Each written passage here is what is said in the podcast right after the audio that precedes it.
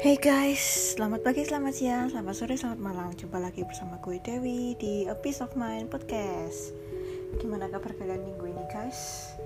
Semoga minggu ini kalian baik-baik aja. Semoga kalian mengalami minggu yang menyenangkan. Semoga kalian baik-baik aja minggu ini. Soalnya minggu ini tuh terjadi peningkatan jumlah orang yang positif corona guys covid-19 gitu guys. Jadi semoga kalian enggak terkena semoga kalian masih sehat. Semoga kalian tetap berjaga-jaga karena kayaknya jumlahnya akan terus meningkat. Ya gitu. Jadi hari ini gue mau bahas apa? Hari ini gue mau bahas tentang COVID-19 ini guys. Sebenarnya gue emang pingin bahas tentang hidup minimalis Tapi kayaknya yang ini lebih urgent gitu guys. Jadi ya gue akan mencoba untuk menjelaskan apa itu COVID-19 uh, Pencegahannya gimana, apa yang sudah dilakukan pemerintah-pemerintah yang negaranya terkena COVID-19 ini. Ya gue akan mencoba menjelaskan secara singkat hari ini tentang COVID-19 gitu guys. Dan COVID-19 ini udah resmi menjadi pandemik global, udah wabah gitu ya, udah ceritanya udah sangat gawat. Ya tingkat kegawatannya tuh kayaknya yang paling tinggi gitu guys. Ya kira-kira gitu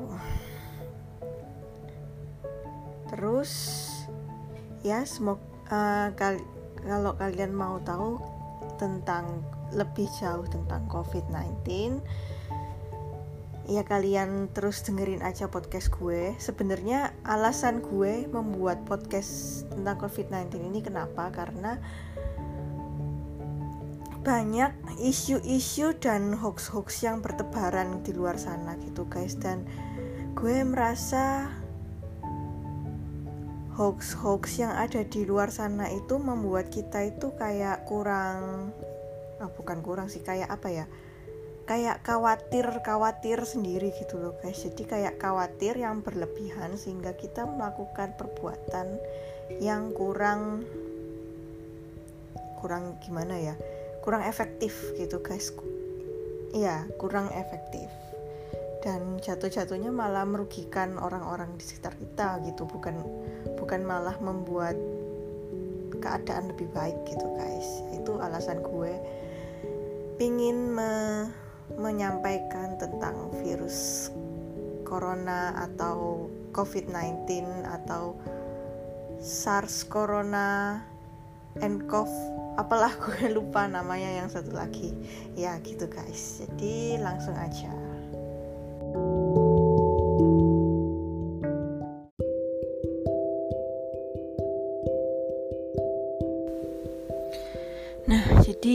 gimana permula awal mulanya? Kenapa virus ini tiba-tiba jadi kayak heboh banget gitu? Awal mulanya ini virus ini itu berasal dari Wuhan di China. Virus ini pertama kali muncul di awal Desember 2019. Um, ya awalnya di situ terus ya sampai sekarang udah jadi pandemik. Uh, jadi di Wuhan ini diduga awalnya itu dari sebuah pasar hewan gitu guys. Mulai adanya virus ini tuh di sebuah pasar hewan. Hewannya tuh kayak hewan campur-campur gitu. Ada kayak hewan-hewan liar bukan cuma hewan ternak tapi hewan liar. Kayak kelelawar, musang, ular ya kayak hewan-hewan gitu tuh loh guys yang dijualin nanti buat dimakan gitu. Ya awalnya semua berasal dari situ kan di situ kan kayak kebersihannya kurang, terus jorok gitu ya. Mungkin jadi itu tempat-tempat yang bagus untuk berkembangnya virus baru gitu ya. Yaitu diduga awalnya tuh bermula dari situ terus kan udah kan udah awal mulanya dari situ terus awalnya sih kayak masih tenang-tenang aja masih cuma di Cina-Cina di sekitar Cina aja tapi lama-lama jadi keluar dari Wuhan lama-lama jadi menyebar di di sebagian besar daratan China. Dan makin lama makin banyak orang yang terkena virus di China itu gitu guys dan pemerintah yang pemerintah di Wuhan itu kayak uh, pingin menangani dengan cepat, pingin segera. Pas pas diketahui virusnya itu pemerintah itu yang ini yang gue dengar ya guys, pemerintah tuh pingin cepat-cepat menutup wilayah itu wilayah Wuhan di lockdown gitu. Tapi itu tuh kayak butuh butuh harus butuh persetujuan orang banyak harus butuh persetujuan para petinggi-petinggi orang-orang di Cina gitu loh guys. Jadi kayak nggak bisa langsung ditutup kayak gitu. Makanya akhirnya terjadi terjadi uh, penyebaran yang masif gitu ya. Jadi langsung nyebar ke mana-mana gitu. Parah sih nggak nggak kayak nggak bisa ditahan gitu. Terus apalagi ya terus setelah menyebar di, di China daerah kan udah parah banget kan China. Terus uh, ntar guys gue baca beritanya dulu guys. Jadi gue belum nyiapin materi juga gue rencananya mau spontan aja. Jadi gue ini lagi membuka halaman sebuah website yang membahas tentang virus corona gitu ya. Bentar gue baca bentar guys. Jadi uh, kalau misalnya kena virus corona ini ke gejalanya apa? Yang pertama uh, gejalanya itu bisa batuk, terus panas, pilek, pusing. Ya ya ya dengar-dengar sih gejalanya itu kayak flu-flu biasa gitu guys. Terus sama disertai sesak nafas gitu itu kalau misalnya udah misalnya udah kita udah ter apa terpapar virus itu selama beberapa hari itu nanti bisa sesak nafas gitu. Tapi tergantung antibody masing-masing gitu. Nah, nanti gue jelasin lebih lanjut tentang gimana virus ini di badan kita. Sekarang gue mau nerangin negara-negara mana aja yang udah apa udah terpapar virus ini yang yang paling banyak terpapar virus ini. Ini sumbernya gue ambil dari WHO jadi terper terpercaya guys. Dan ini gue ini informasi yang diupdate tanggal 14 Maret.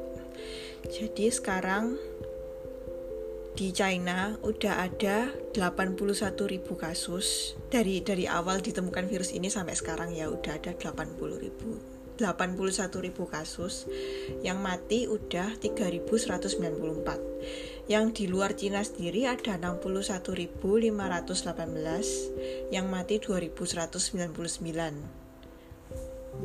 dan udah menyebar di 134 negara. Ya gitu. Jadi menurut keterangan ini menurut pertanggal 14 Maret ada 12 wilayah yang terkena yang baru terkena COVID-19 atau baru terdeteksi. Mungkin aja kenanya udah lama tapi baru terdeteksi sekarang kan bisa. Tapi kalau kan di Cina di Cina sendiri kan 81 ribu ya. Tapi kalau mis per tanggal 14 ini kasus yang baru itu cuma 18, yang mati cuma 14. Sedangkan yang di luar Cina pertanggal 14 itu ini yang kasus baru itu bertambah 9.751 yang mati ada 424 jadi kayak yang Cina ini kayak udah udah menurun dan yang di luar Cina ini yang malah bertambah terus gitu guys. Yang negara di luar Cina yang paling banyak terpapar virus corona yang pertama Italia udah ada 17.660 orang yang terkena terkena virus ini, virus COVID-19. Yang kedua di Korea ada 8.086 kasus. Yang ketiga ada di Spanyol ada 42.000 eh ada 4231 gitu guys yaitu tiga teratas sih menurut data ini. Coba gue scroll lagi. Ya gitu. Oh ternyata di Iran lebih banyak guys. Lebih banyak dari separuh di lebih banyak dari Spanyol yang di Iran. Di Iran ada 11.364 itu guys. Itu negara-negara terbanyak yang terkena virus corona. Jadi tiga negara teratas ada Korea, eh ada Italia, Iran dan Korea gitu. Terus, hmm, apa lagi ya? Ya itu sih. Dan kalau gue lihat di sini yang benua yang paling banyak terpapar virus corona, itu uh, benua Eropa ya. Nah itu kayak negara mungkin kalau menurut gue sih ini kayak kenapa di Eropa itu kayak bisa cepet banget padahal kan di Eropa itu kayak udah maju banget gitu loh guys. Udah apa teknologinya udah maju udah sanitasinya lebih kebersihannya itu lebih terjamin. Tapi kenapa kok bisa sebanyak itu yang kena? Uh, dugaan gue pertama itu mungkin karena budaya ya. Budayanya mereka itu kan kalau mereka salam ngucapin salam ke orang yang udah mereka kenal gitu kan kayak cipika cipiki gitu kayak deket banget gitu kayak peluk pelukan kayak gitu. Terus tapi nggak semua negara kayak gitu sih. Jadi ini mungkin kayak uh, spek spekulasi gue aja. Gue gue nggak tahu kebenarannya. Terus mungkin alasan yang kedua ini mungkin yang paling kuat. Mungkin karena karena di situ itu kayak teknologinya udah maju jadi mereka tuh kayak udah bisa dengan cepat mendeteksi virus corona daripada di negara-negara Asia. Kalau di Asia itu kan kayak sebagian besar negara itu kan masih negara maju kecuali kayak di Singapura atau ya kayak yang di Singapura atau Jepang gitu ya. Tapi ya kalau di Eropa kan negaranya udah maju jadi kayak bisa mendeteksi lebih cepat. Terus uh, mungkin kan bertanya Korea kan iya di Korea juga maju sih. Korea juga negara maju makanya. Tapi Korea itu ada alasan lain lagi sih. Karena ada kayak sebuah gereja gitu sebuah gereja yang membuat penyebaran virus ini makin cepat gitu. Dan gereja ini tuh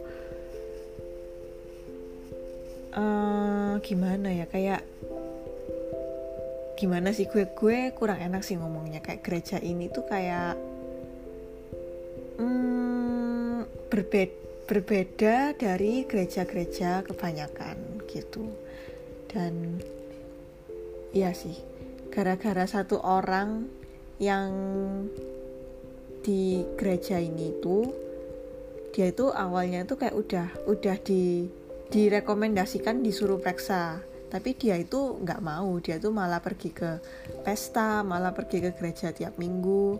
Dan salamnya di gereja itu kayak deket banget dan kayak ya pokoknya kayak gimana ya salamnya tuh kayak men mendukung banget untuk bisa menyebarkan virus ini lebih cepat gitu. Terus orang ini tuh juga kayak pergi ke tempat-tempat rame gitu. Jadi ya jadi ya jadi banyak banget gitu yang ter ter apa ter terkena paparan virus ini gitu kayaknya satu gereja itu kayaknya semua sebagian besar kena deh kena virus COVID-19 ini gitu. Jadi kayak kan gereja itu adanya di daerah Daegu. Nah di di Daegu ini paling banyak terkena virus corona itu guys gitu. Tapi tapi kalau gue lihat di Korea ya di Korea itu new case-nya bertambah 107 jadi kayak ya nggak nggak nggak nggak gitu banyak sih kalau dibandingkan Italia, Spanyol, Prancis. Iya kalau dibandingkan negara-negara di Eropa sih nggak nggak terlalu banyak ya.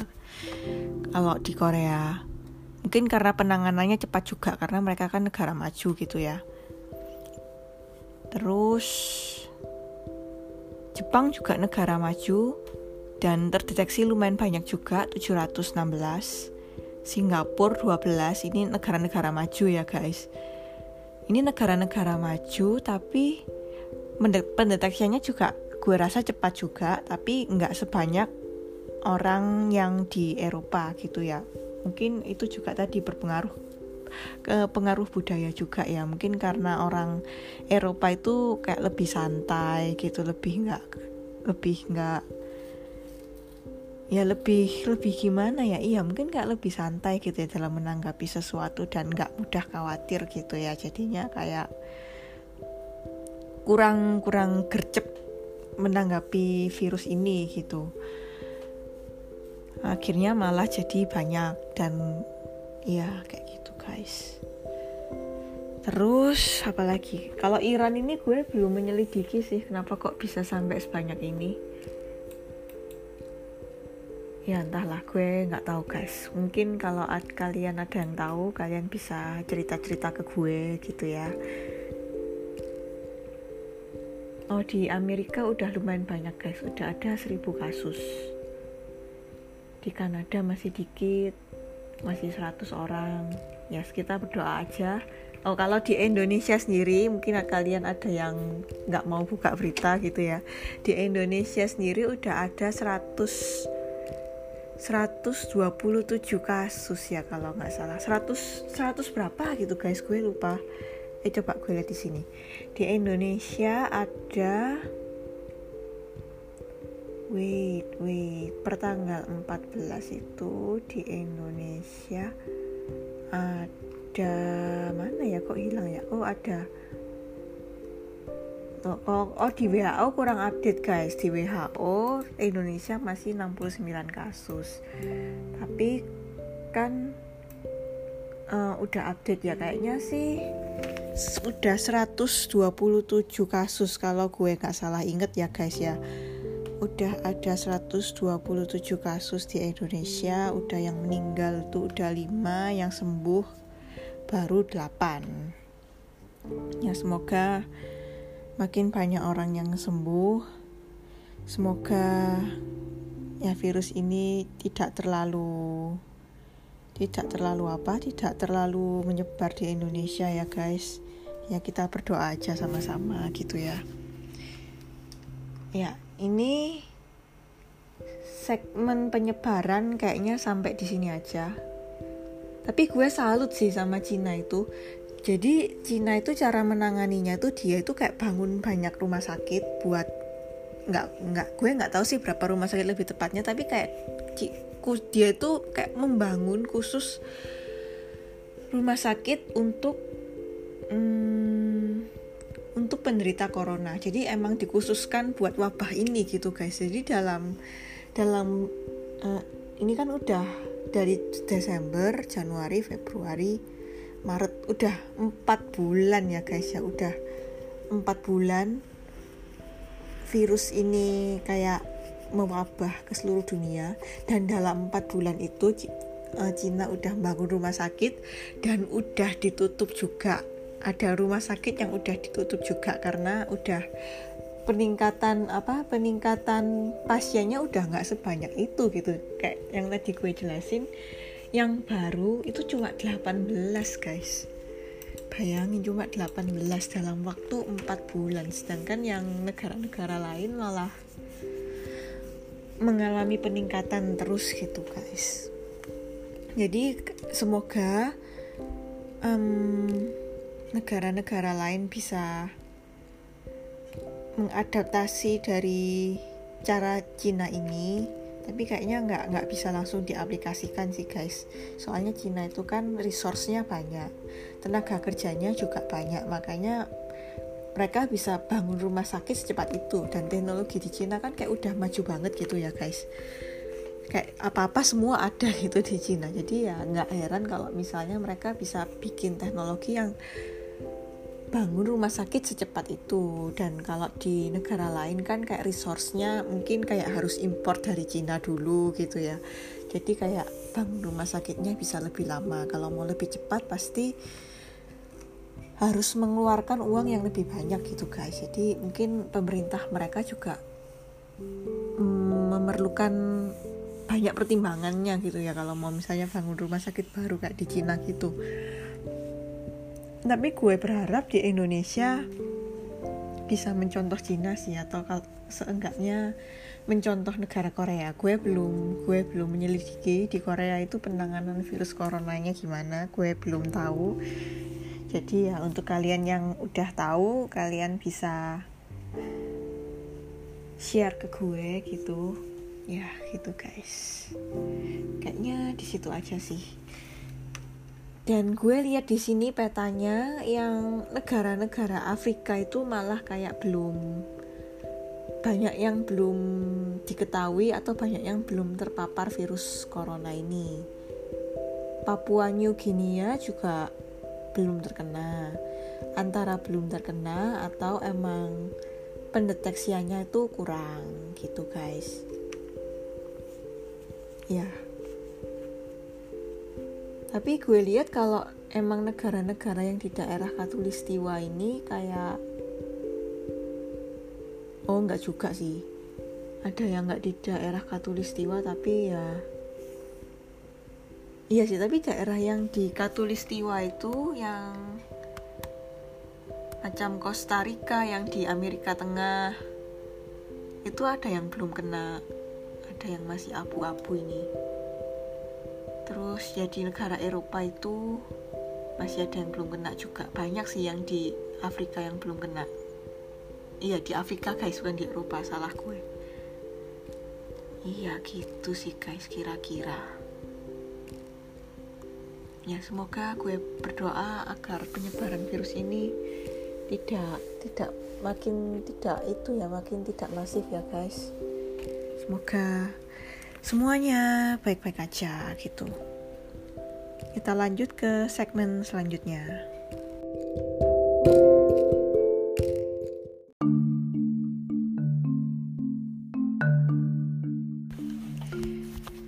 Nah, tadi gue udah nyeritain persebaran virus corona ini per tanggal 14. Sekarang gue mau nyeritain uh, seberapa bahaya sih coronavirus ini? Seberapa mudah menyebar virus corona ini? Dan ya kira-kira di segmen kali ini gue akan nerangin itu guys. Jadi seberapa bahaya virus ini? Kalau misalnya kita terkena sebenarnya kalau kita itu orang yang mempunyai daya tahan tubuh yang kuat dan kalau misal kita masih muda kita masih umur misal uh, 17, 18 atau 20, 23, 24 gitu itu sebenarnya enggak bahaya. Ya paling cuma batuk-batuk pilek gitu dan ter apa dan dibilang dan terdeteksi sakit corona tapi di kitanya itu ya nggak nggak ada hal-hal signifikan yang akan terjadi gitu. Dan kadang-kadang nggak kita nggak tahu kalau kita itu sudah kena corona gitu guys. Dan tapi karena kondisi badan kita itu kuat makanya virus corona itu kayak kadang-kadang nggak nggak ada gejala sama sekali kalau kita itu sakit corona. Itu untuk orang yang muda-muda. Makanya kan yang di Indonesia orang-orang yang kena corona itu kan kayak umur 50-an ke atas gitu ya sebagian besar. Nah itu makanya itu soalnya yang mungkin yang muda-muda itu belum ada gejala gitu. Tapi meskipun belum ada gejala tetap bisa menyebarkan gitu guys. Jadi uh, virus corona ini COVID-19 ini berbahaya untuk orang-orang yang punya daya tahan tubuh rendah seperti orang yang terkena diabetes atau orang yang terkena HIV, orang yang sudah tua kan orang yang sudah tua itu kayak biasanya daya tahan tubuhnya kayak lebih rendah gitu ya. Habis gitu eh, orang-orang yang uh, ya yang terkena yang punya riwayat sakit pernafasan atau yang sedang sakit pernafasan. Nah, itu juga bisa berbahaya untuk mereka dan kalau kita lihat uh, kalau gue lihat tadi beritanya itu kan tidak ada yang meninggal hanya karena virus corona saja yang di Indonesia ya guys. Gue nggak ngomong yang di dunia yang di Indonesia aja. Pasti ada kayak penyakit pendamping gitu guys. Jadi kayak virus corona ini kayak memperparah penyakit yang udah ada gitu. Mungkin kayak gitu ya.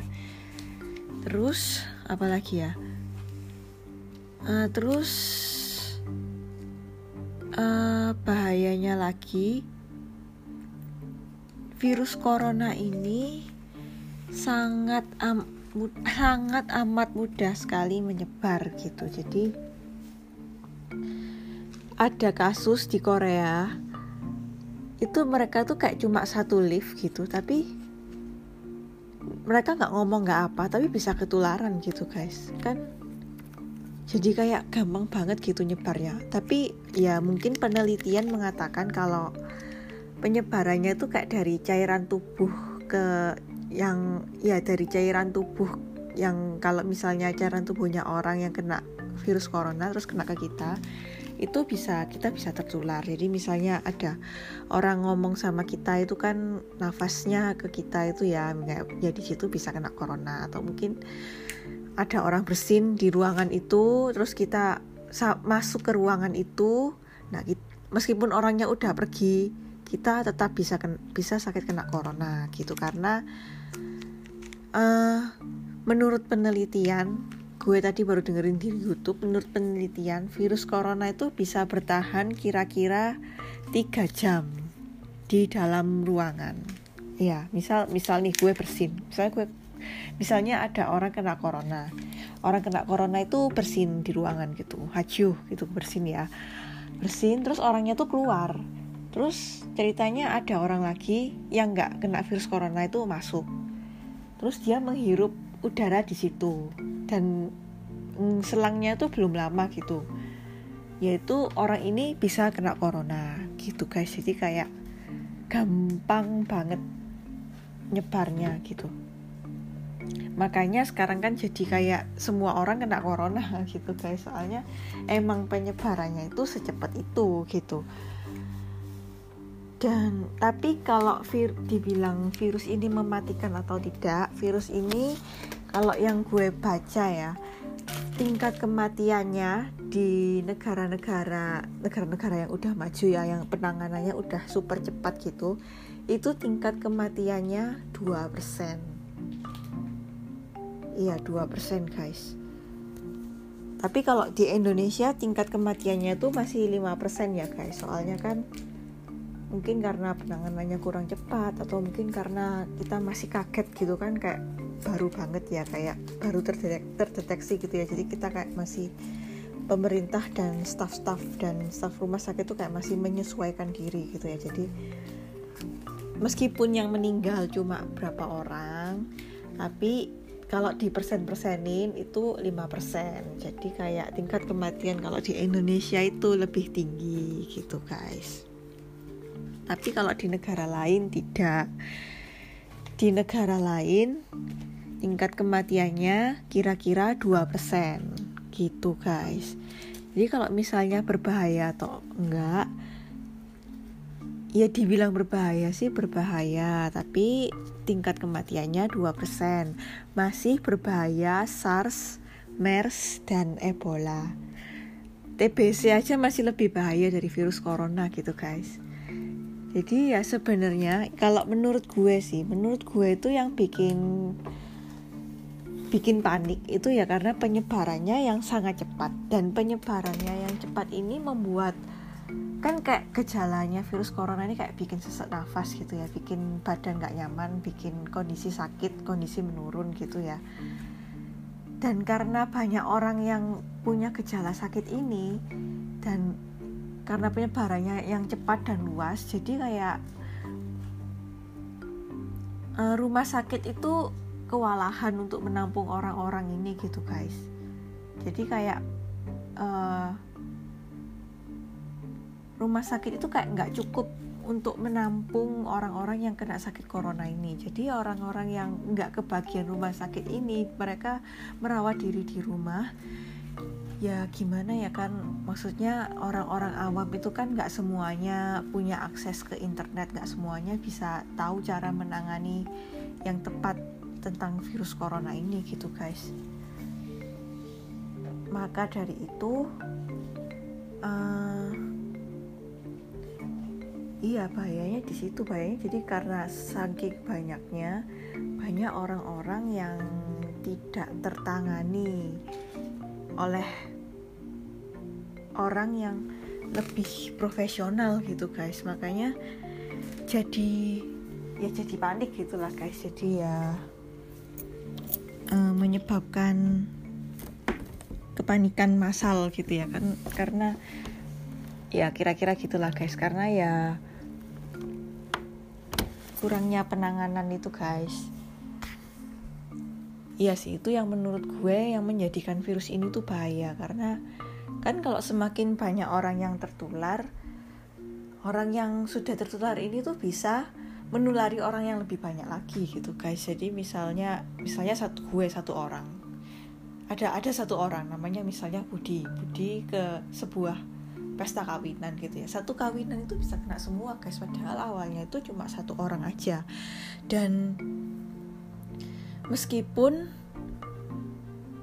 meskipun tidak menunjukkan gejala itu ada kemungkinan bisa menyebarkan. Jadi misal nih si Budi ini kayak orang sehat gitu kayak nggak nggak dia tidak menunjukkan gejala apa pun tentang corona ini. Tapi tapi dia bisa menjadi penyebar gitu guys. Meskipun ada ada dokter yang mengatakan kalau tingkat uh, orang yang nggak punya gejala ini yang nyebarin tuh tingkatnya tuh rendah gitu. Soalnya kan dia tidak mengeluarkan nggak bersin nggak apa gitu. Tapi tapi kenyataannya kayak banyak banyak yang banyak yang banyak yang itu guys. Banyak yang kena gitu. Kayak ya ya jadi ya intinya emang gampang banget nyebar gitulah guys. Intinya kayak gitu. Karena gampang gampang banget nyebar banyak yang mendapatkan gejala rumah sakit jadi penuh banyak orang yang tidak tertangani. Nah itu yang yang menurut gue jadi bahaya gitu guys. Terus uh, gejalanya apa gejalanya itu uh, ya kayak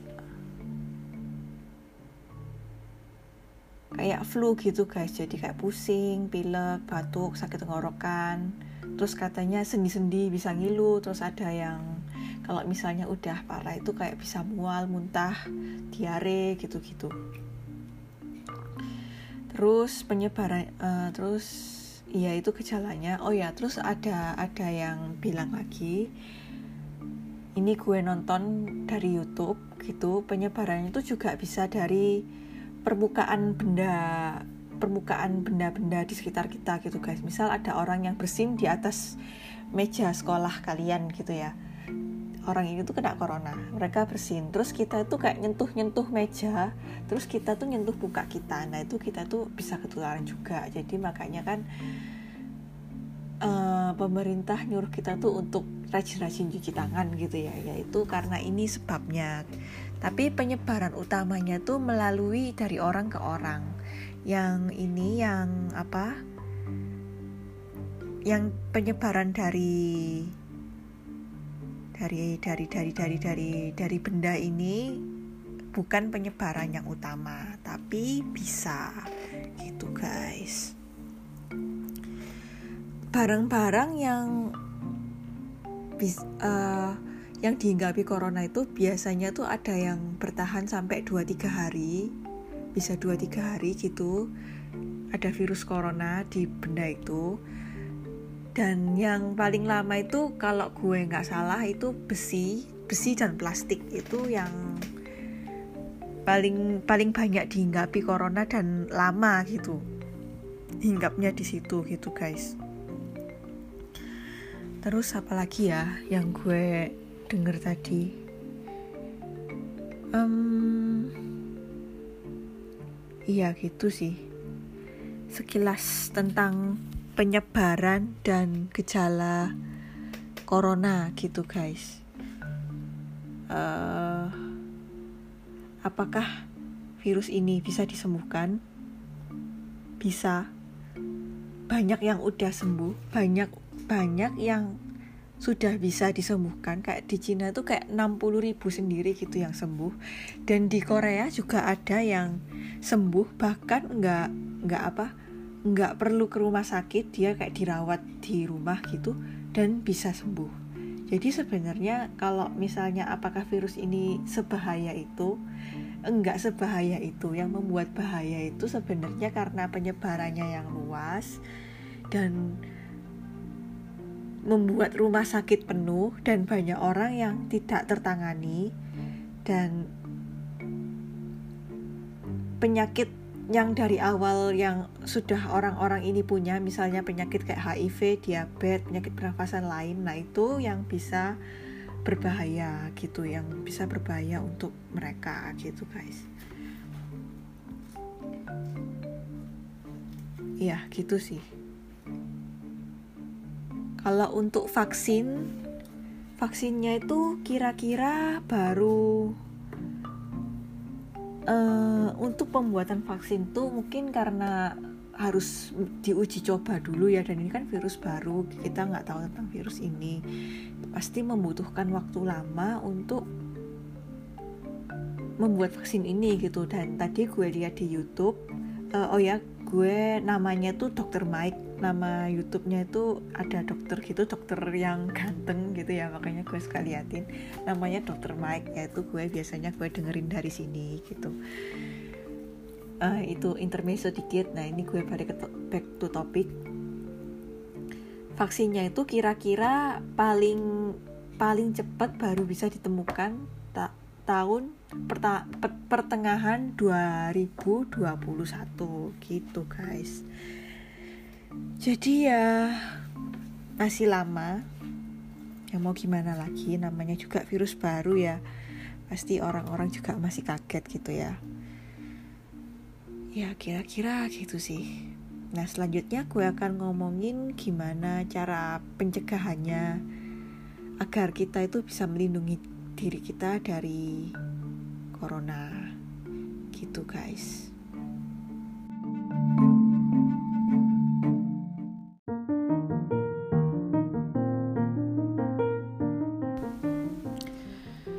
Jadi gimana? Gimana cara kita melindungi diri kita sendiri dan agar kita tidak menulari orang lain gimana caranya? Yang pertama yaitu sering-sering cuci tangan. Kalau misalnya dari luar terus ke dalam ke dalam rumah ya cuci tangan, cuci tangan yang benar yang yang semua seluruh permukaan tangan itu kalau bisa kecuci gitu guys jangan ada bagian-bagian yang tertinggal gitu uh, ya kalau misalnya kalau perlu bawa antiseptik dan sebisa mungkin jangan pegang-pegang muka. Kalau ya jangan kalau di luar kalau di luar rumah jangan pegang-pegang muka. Gue makanya ini sulit banget sih buat gue. Gue tuh punya bang punya kebiasaan untuk selalu memegang muka gue dan apa megang-megang bibir gue terus kayak kan bibir gue kayak kering-kering gitu ya. Terus kayak gue kelintei gitu. Bibir gue ya ampun parah banget sih gue. Makanya gue kayak susah banget menghilangkan kebiasaan ini. Tapi gue berusaha menghilangkan gitu. Karena hal-hal ini. Terus cara kedua uh, jangan travel ke negara-negara yang terkena yang sudah banyak orang yang terkena corona tapi saran gue mending gak usah ke mana-mana aja udah di rumah aja dulu. Karena ya di rumah aja dulu guys. Jangan pergi ke mana-mana karena sekarang tuh literally 130 negara lebih 100 negara itu udah kena ya which it sebagian besar negara-negara di seluruh dunia gitu guys. Jadi ya ya kita sementara di rumah dulu atau mungkin tapi mungkin kalau misalnya kalian mau berobat ke Cina gitu ya mungkin bisa kalian ke Cina buat diobati coronanya. Ya soalnya kan Cina udah kayak berkurang banget gitu ya pasiennya. Jadi ya mungkin mereka bisa mereka mau menerima pasien dari luar negeri gitu ya. Ya mungkin kalian mau mencoba gitu uh, habis gitu pakai masker karena kan meskipun uh, kata orang yang yang sebenarnya perlu memakai masker itu kan orang-orang yang sakit. Tapi ya kan kita tidak tahu bahkan orang yang sakit itu pun tidak tahu kalau mereka itu sedang membawa virus corona. Kan terkadang kayak gitu. Makanya ya ya sebaiknya kita semua kalau keluar rumah memakai masker terutama di daerah di daerah yang sudah terken yang sudah di tracing sama pemerintah dan udah kena corona gitu.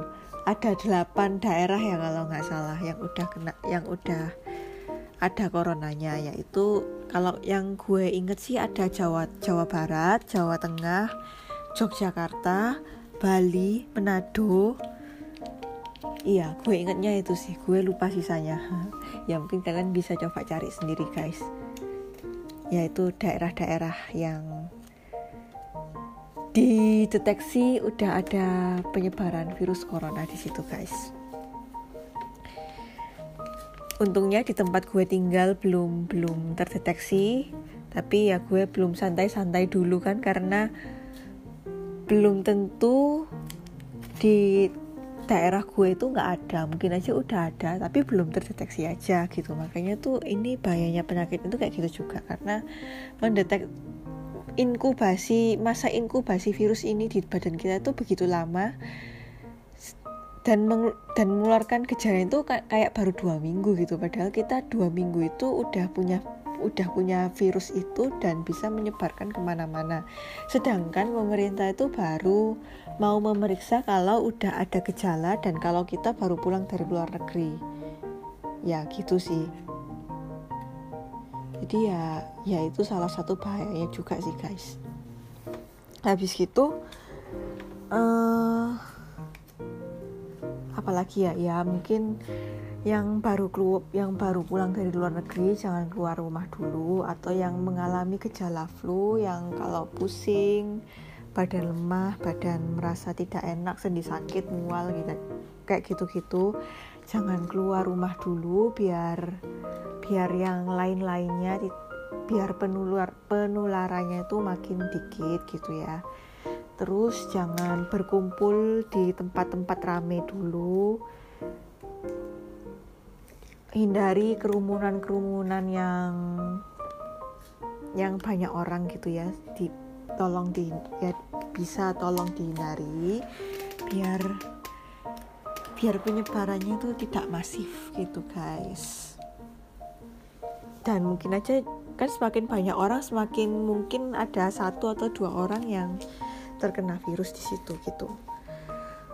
Habis gitu pencegahannya apalagi ya mungkin ya pola hidup sehat aja sih guys. Biar daya, daya tahan tubuh kalian itu kuat. Jadi kalian ya mungkin olahraga atau makan buah-buahan makan sayur-sayuran makan makan teratur, tidur teratur, ya pokoknya pola hidup sehat gimana lah ya itu dituruti aja gitu. Biar daya tahan tubuh kalian tuh kuat, biar kalian tuh bisa menyerang daya tahan tubuh kalian tuh bisa menyerang balik virus corona itu gitu guys. Terus apa lagi ya? Hmm, ya kayaknya itu aja sih guys. Ya isolasilah diri kalian di rumah mungkin sebelum pemerintah melockdown negara Indonesia ini mungkin kalian bisa menyiapkan berbagai hiburan. Mungkin kalian bisa membeli PS PS 5 eh PS 4 atau beli Nintendo Switch gitu biar biar kalian bisa bermain biar kalian gak bosen di rumah gitu ya. Ya kira-kira kayak gitu sih guys. Pencegahan dan biar kita tidak termenulari orang juga. Ya kira-kira kayak gitu guys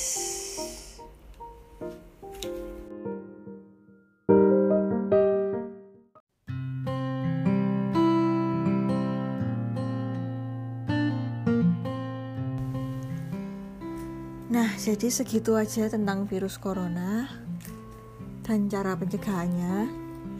Semoga informasi ini bisa berguna buat kalian. Semoga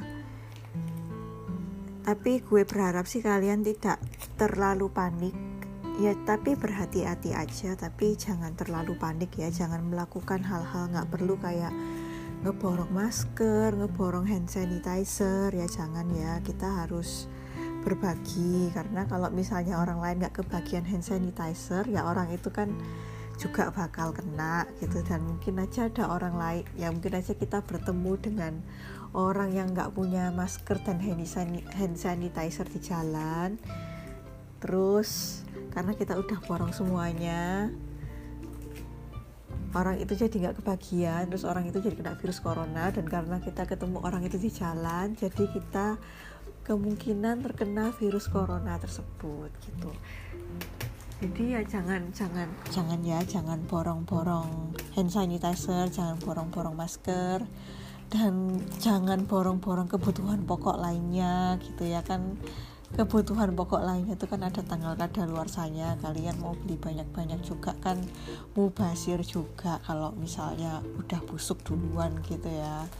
Malah buang-buang bahan makanan juga jatuhnya gitu ya gitu aja sih mungkin podcast hari ini. Uh, makasih buat yang udah dengerin sampai habis. Semoga informasi ini berguna untuk kalian. Dan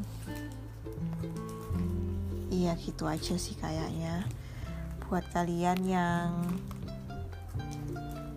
belum terkena virus corona bagus lindungi diri kalian sendiri tapi jangan panik.